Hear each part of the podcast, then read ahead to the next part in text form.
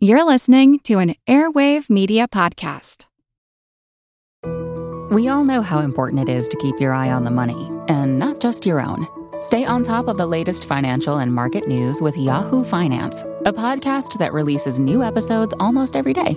You'll hear a brief overview of the biggest news in the financial world, all in three minutes or less, right after markets close. Check out Yahoo Finance wherever you get your podcasts. That's Yahoo Finance wherever you get your podcasts.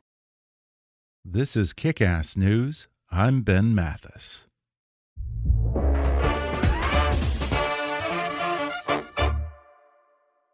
Hey there, folks. It's Ben Mathis here. In case you missed my big announcement the other day, I have some exciting news to share with you. We're starting a podcast network. This is something that's been a long time in the making, and now at last, in early May, we'll be launching our own network called Airwave. It'll be the new home for Kickass News, as well as a number of your other favorite podcasts and brand new shows from some of the leading thought leaders and storytellers in audio entertainment including podcasts from at least a dozen of my most popular past guests. We'll have 15 different podcasts at launch and plan to roll out over 40 shows in 2021. In the next few weeks, I'll be sharing more details about those specific shows, so subscribe to us on Twitter and Facebook at Airwave Podcasts. But in the meantime, I'm going to ask for your help. I'm putting a lot of my own money into covering the startup costs of this new venture, but we need additional financial support to cover our full production slate for 2021. So please visit gofundme.com/airwave to contribute to what we're building here. That's gofundme.com/airwave to donate. G O F U N D M E dot com slash airwave A I R W A V E. GoFundMe.com slash airwave. Thanks for your support and for listening all these years. When you imagine the world 13 years from now, what do you think of? Autonomous vehicles, flying cars, or maybe a smartphone implanted in your brain? But what about a naval clash between the US and China in the South China Sea that leads to a nightmarish conflagration with staggering costs for both sides? 2034, A Novel of the Next World War, is a disturbingly plausible work of speculative fiction, co authored by Elliott Ackerman, an award winning novelist and decorated Marine veteran, and the former commander of NATO, James Stavridis, the legendary admiral who spent much of his career strategically outmaneuvering America's most tenacious adversaries. Written with a powerful blend of geopolitical sophistication and human empathy, 2034 takes us inside the minds of a global cast of characters Americans, Chinese, Iranians, Russians, and Indians as a series of arrogant miscalculations on all sides leads the world into an intensifying international storm. And today I welcome the two of them back to the podcast to discuss how they came together on this project and the power of fiction to draw attention to real world issues and potential areas of crisis in the not too distant future. The Admiral talks about China's increasingly aggressive moves in the South China Sea and how tensions in this region could potentially impact 30% of the world's shipping and be the flashpoint for the next world war. Plus, he reveals how the pandemic is altering the global balance of power, and Elliott lays out how America's political divisions may signal the end of the two party system and weaken the U.S. against our adversaries coming up with James Stavridis and Elliott Ackerman in just a moment.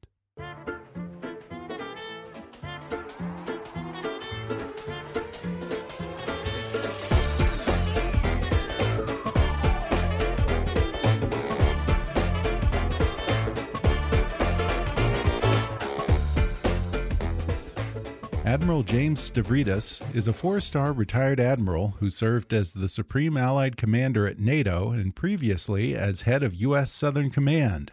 Elliott Ackerman is a former White House Fellow and Marine who served five tours of duty in Iraq and Afghanistan, where he received the Silver Star, the Bronze Star for Valor, and the Purple Heart. Now they've joined forces to write a military thriller that speculates about how current geopolitical fractures could spin out of control. It's called 2034, a novel of the next war. Gentlemen, welcome to the podcast. Thanks for having us on. Yeah, thanks so much.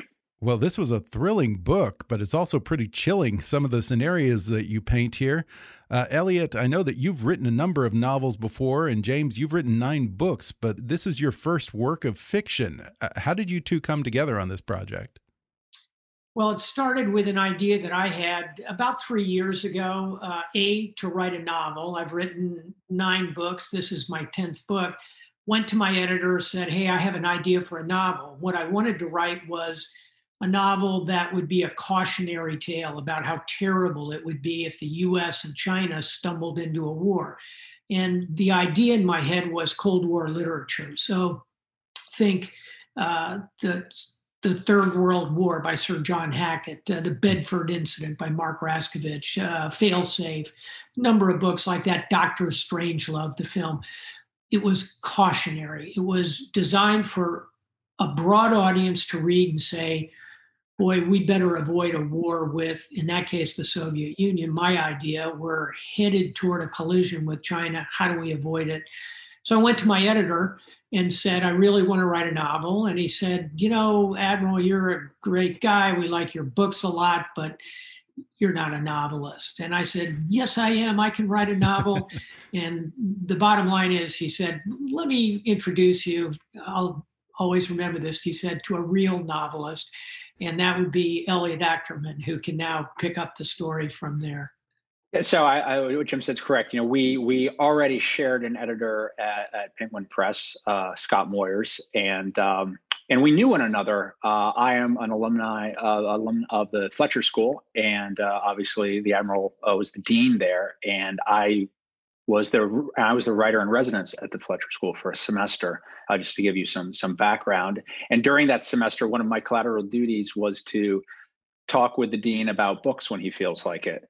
Um, so you know, so we had had many conversations talking about books, and I very much you know, knew what his sensibility was. So when Scott came to me, uh, you know, mentioned the idea uh, and the uh, and you know perhaps I'd want to work with Jim on this. Uh, you know, I already knew who he was, and we had a relationship, and, and to me it sounded like a lot of fun. So we said, hey, let's let's see if we can write the first chapter, um, and we did, and very much had the same uh, aligned visions on what the book could be, and uh, you know the rest is history. Okay. So let me ask you: Does your shared alma mater supersede any Navy versus Marine rivalry? Uh, do you guys still jab each other a little bit, or what? We, I think we we we we we kept that off on the right and kind of united against larger foes like uh, global global war and right. I think maybe West Point yeah, I, the only thing I'll add to that is I grew up in the Marine Corps. My father was a career oh, officer oh, right. in the U.S. Marine Corps. I went to Quantico High School, so I know and love the Marine Corps. Mm. I've got two sides to me, kind of Marine and Navy. So yeah, we get along wonderfully in that regard. Yeah. We're the Navy Marine Corps at sea team. Now, 2034 involves many real world and near future challenges, some of which, James, you addressed in your previous book, Sea Power, particularly China's aggression in the South China Sea. What were you hoping to do by exploring many of these same issues in the form of a novel? Um, I'll tell you three things that fiction allows you to do, and in particular, in this case, it allows you to imagine your way into the future without being completely constrained by um, hard facts everywhere along the path. Mm. And if you look at American history, we failed to imagine Pearl Harbor. We failed to imagine 9 11. We failed to imagine the pandemic. Um, that failure of imagination has cost us. So, point one is by writing fiction, you can kind of imagine a very different future. Secondly, you can bring characters into it. You know, if I wrote a scholarly book about what's the future of the US China relationship, um, it just wouldn't be as interesting as the kind of stories that have real characters in them. Think how much you you revere a novel like The Old Man and the Sea. Why? Because of Santiago, because of that old fisherman. The character mm. matters. And third and finally, you get a much bigger audience writing uh, fiction. More people will read it, and hopefully, we'll see the folly of stumbling into a war with China.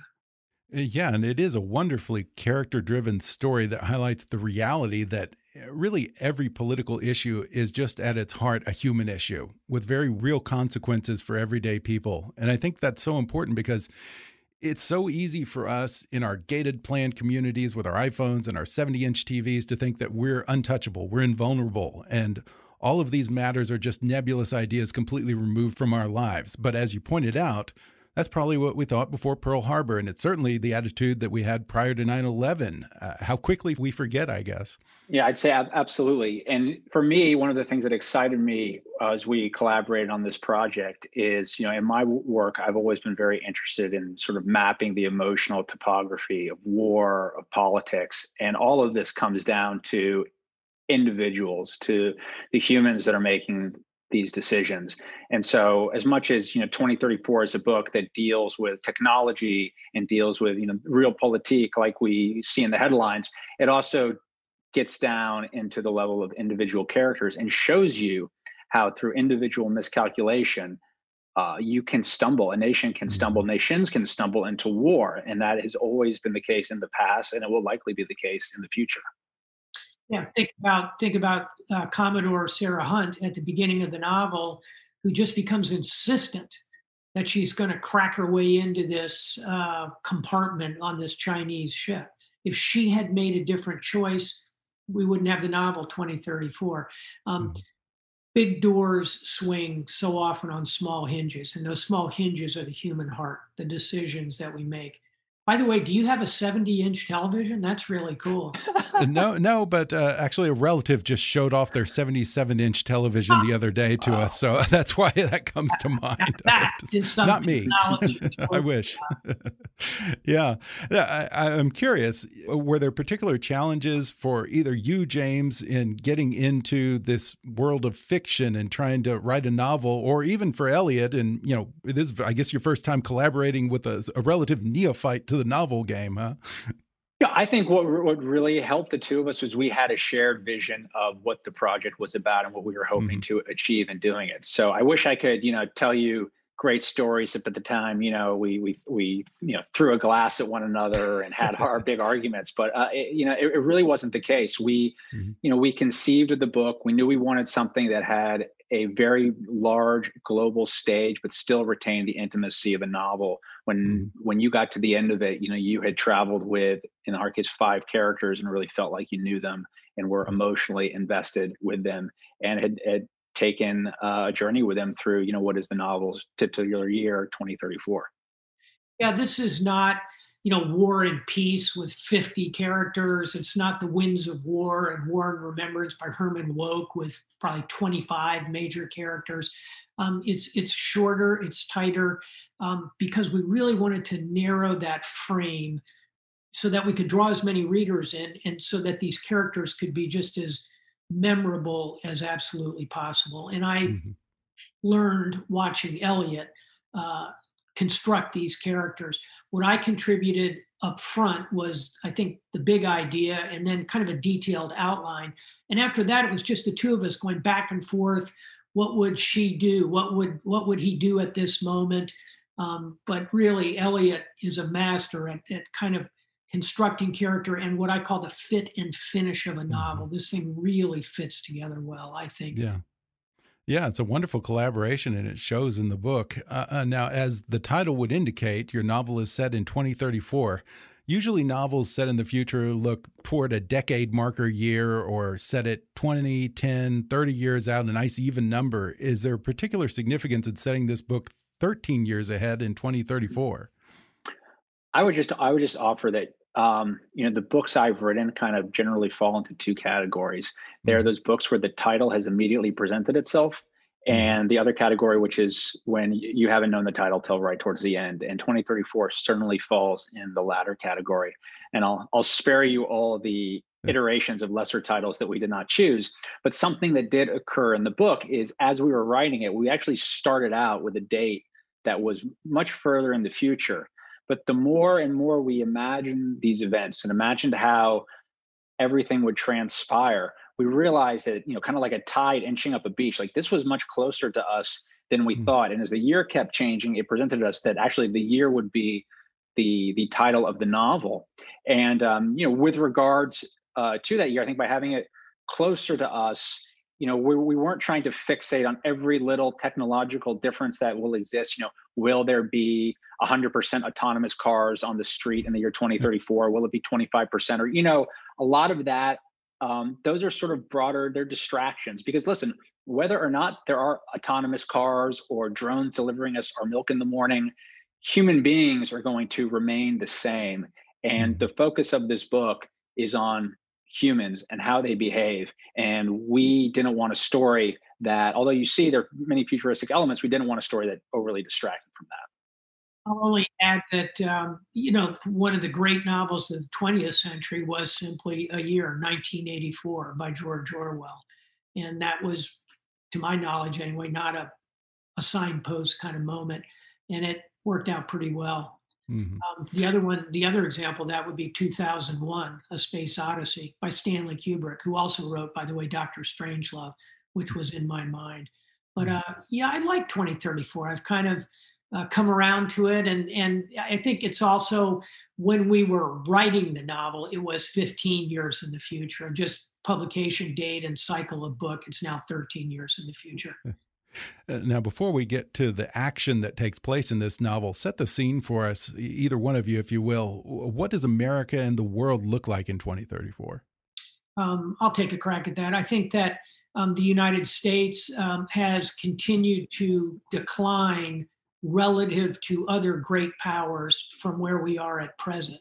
And that's, I think, indisputable. China will rise, and that's the other major feature of the landscape. China has risen, become more assertive, has more command of technologies, notably cyber, stealth, other military technologies.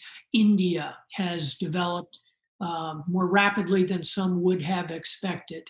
Um, those are the three big geopolitical muscle movements, we should also observe that China has drawn closer to Iran. That's something that we're seeing happening right now. And mm-hmm. Russia continues to be essentially, as they are today, kind of a spoiler on the international scene, with, by the way, an octogenarian Vladimir Putin still running the country. So that's the setup. We're going to take a quick break and then we'll return with more when we come back in just a moment.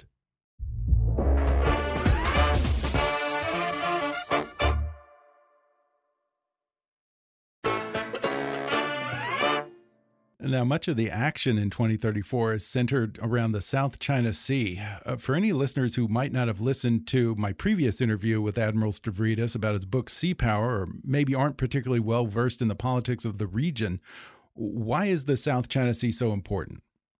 It's because it's a vast water space the size of the Gulf of Mexico and the Caribbean Sea combined. It's full of hydrocarbons, oil, uh, natural gas almost 40% of the world's shipping passes through it. And it's particularly important because today, China claims it as territorial waters in its entirety. It would be as though the United States were claiming territorial sovereignty over the entire Gulf of Mexico hmm. uh, and Caribbean Sea. And um, China takes this very seriously today, and there is no reason to doubt that they will continue to want control of those waters. The United States, on the other hand, firmly believes that these are international waters, high seas. Every nation has an equal right to pass through these waters. The vast majority of our allies agree with us on this. I think that's the central uh, point of disagreement between the two nations that could, with a miscalculation, uh, create the spark that leads to a war as we describe mm-hmm. in 2034. Now, I confess that I have a little bit of ignorance about something here. Usually, when nations make a territorial claim, there's some history there of ethnic or cultural ties to the region that they use as justification, however superficial. Uh, I guess that there must be a reason that it's called the South China Sea. So, so what is China's history there, and what, what is their support for that claim? Excellent question. And their support for the claim goes back to a Chinese admiral, Zheng He, uh, who sailed in the early 1600s. Uh, China sent enormous fleets abroad. They operated extensively through those waters. And China claims that that was the beginning of their sovereignty. Um, I have a PhD in international law, and my focus in particular is on the law of the sea treaty and maritime law. I'm, I'm, I'm shall we say, conversant in these issues. The mm-hmm. claim uh, will not hold water in international law. And the principal reason is sure, it's true that um, a Chinese fleet sailed through these waters, but China didn't do the other things that arguably might have allowed them to claim it as territorial seas. They never conquered the Philippines. They never conquered any of the nations around the periphery of the South China Sea. They simply sailed through them, did trade with the na- nations of the Indian Ocean, and sailed back.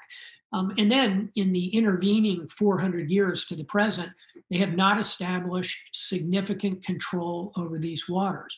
They haven't consistently operated on them. They haven't consistently made these claims. They haven't had much opportunity to, in fairness, because they've been repeatedly invaded, conquered by others, and fought a series of internal wars.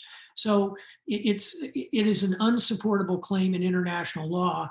And don't listen to Admiral Stavridis. The Chinese brought the claims to the international courts, and they were firmly dismissed.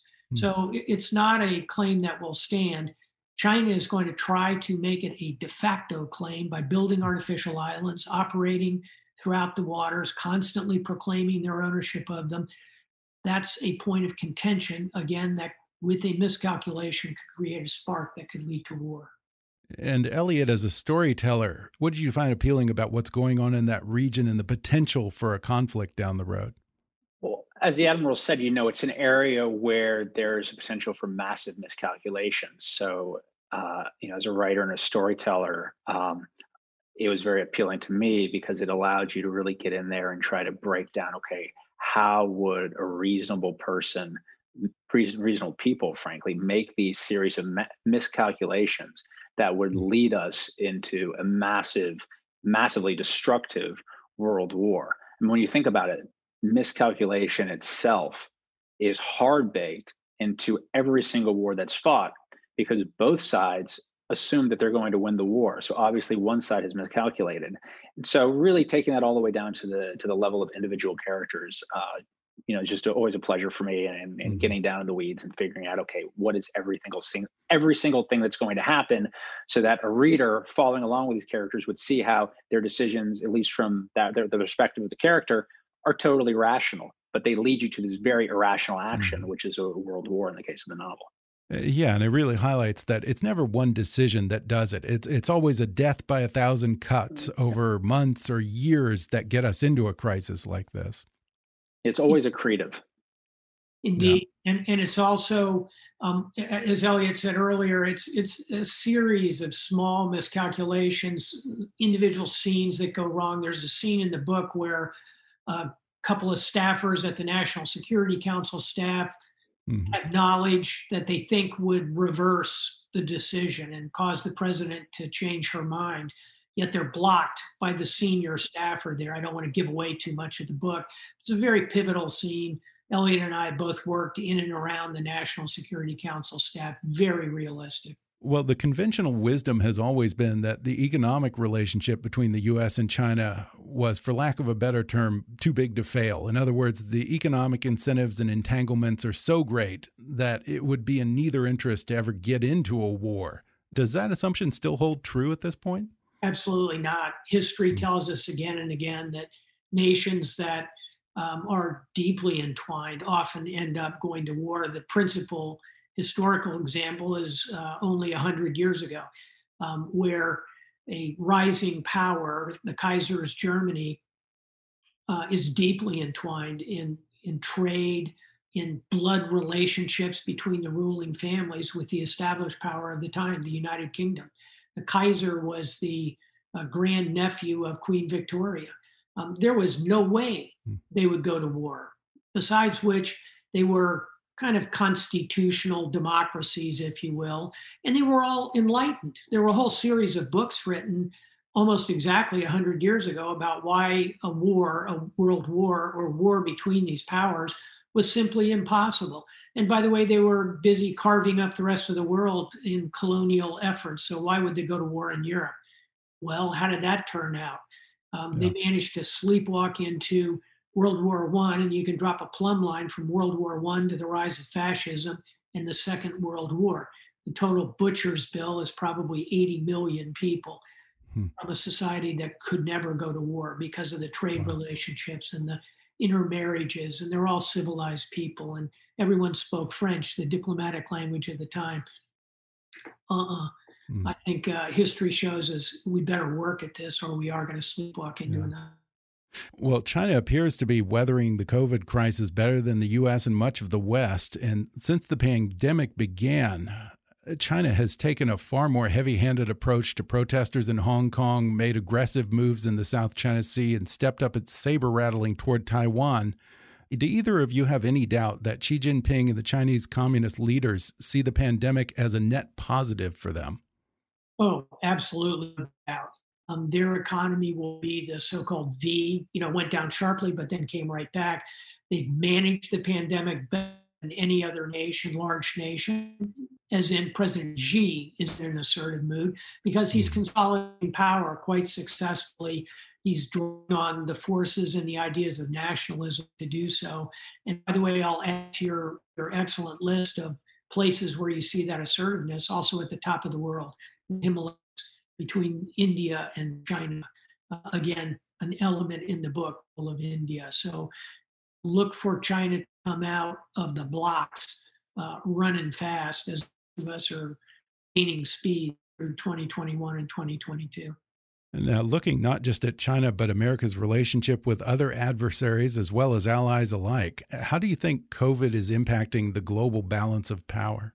Give you a quick snapshot China up, Europe neutral, mm -hmm. uh, developing world slowing down, but fortunately, it's a young population so I think um, might be better than you would otherwise in South Asia, Sub-Saharan Africa, and Latin America. Mm-hmm. I think uh, Russia uh, declining. Uh, it's taking hit um, in pretty much every mention. Will continue to play the spoiler role. Iran afflicted by it, but it won't slow them down. And I'd be surprised if we don't something dramatic from Kim over the next 30 to 60 days. He needs to emerge. Uh, but broadly speaking, uh, the better, uh, without question, China. Hmm. Now, Elliott, this novel envisions an America that by 2034 has seen the demise of the two party system I suppose some would look at, say, the UK and Germany and other multi party democracies and say, you know, it works pretty well for them. If anything, they seem more immune to instability and wild political swings. So I wonder what's wrong with that.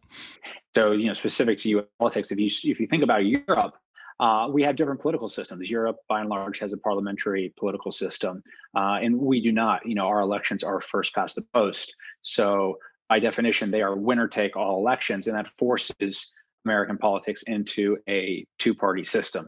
And you know, we've seen right now that a two-party system can become subject to the type of hyper partisanship that defines so much of American political life. So what we did when imagining what domestic political life would look like in the United States in the year 2034, we kind of took current trends and brought them to uh, brought them into the future. And one of those trends is a level of political dysfunction that eventually evolves to a political independent and a woman being elected president.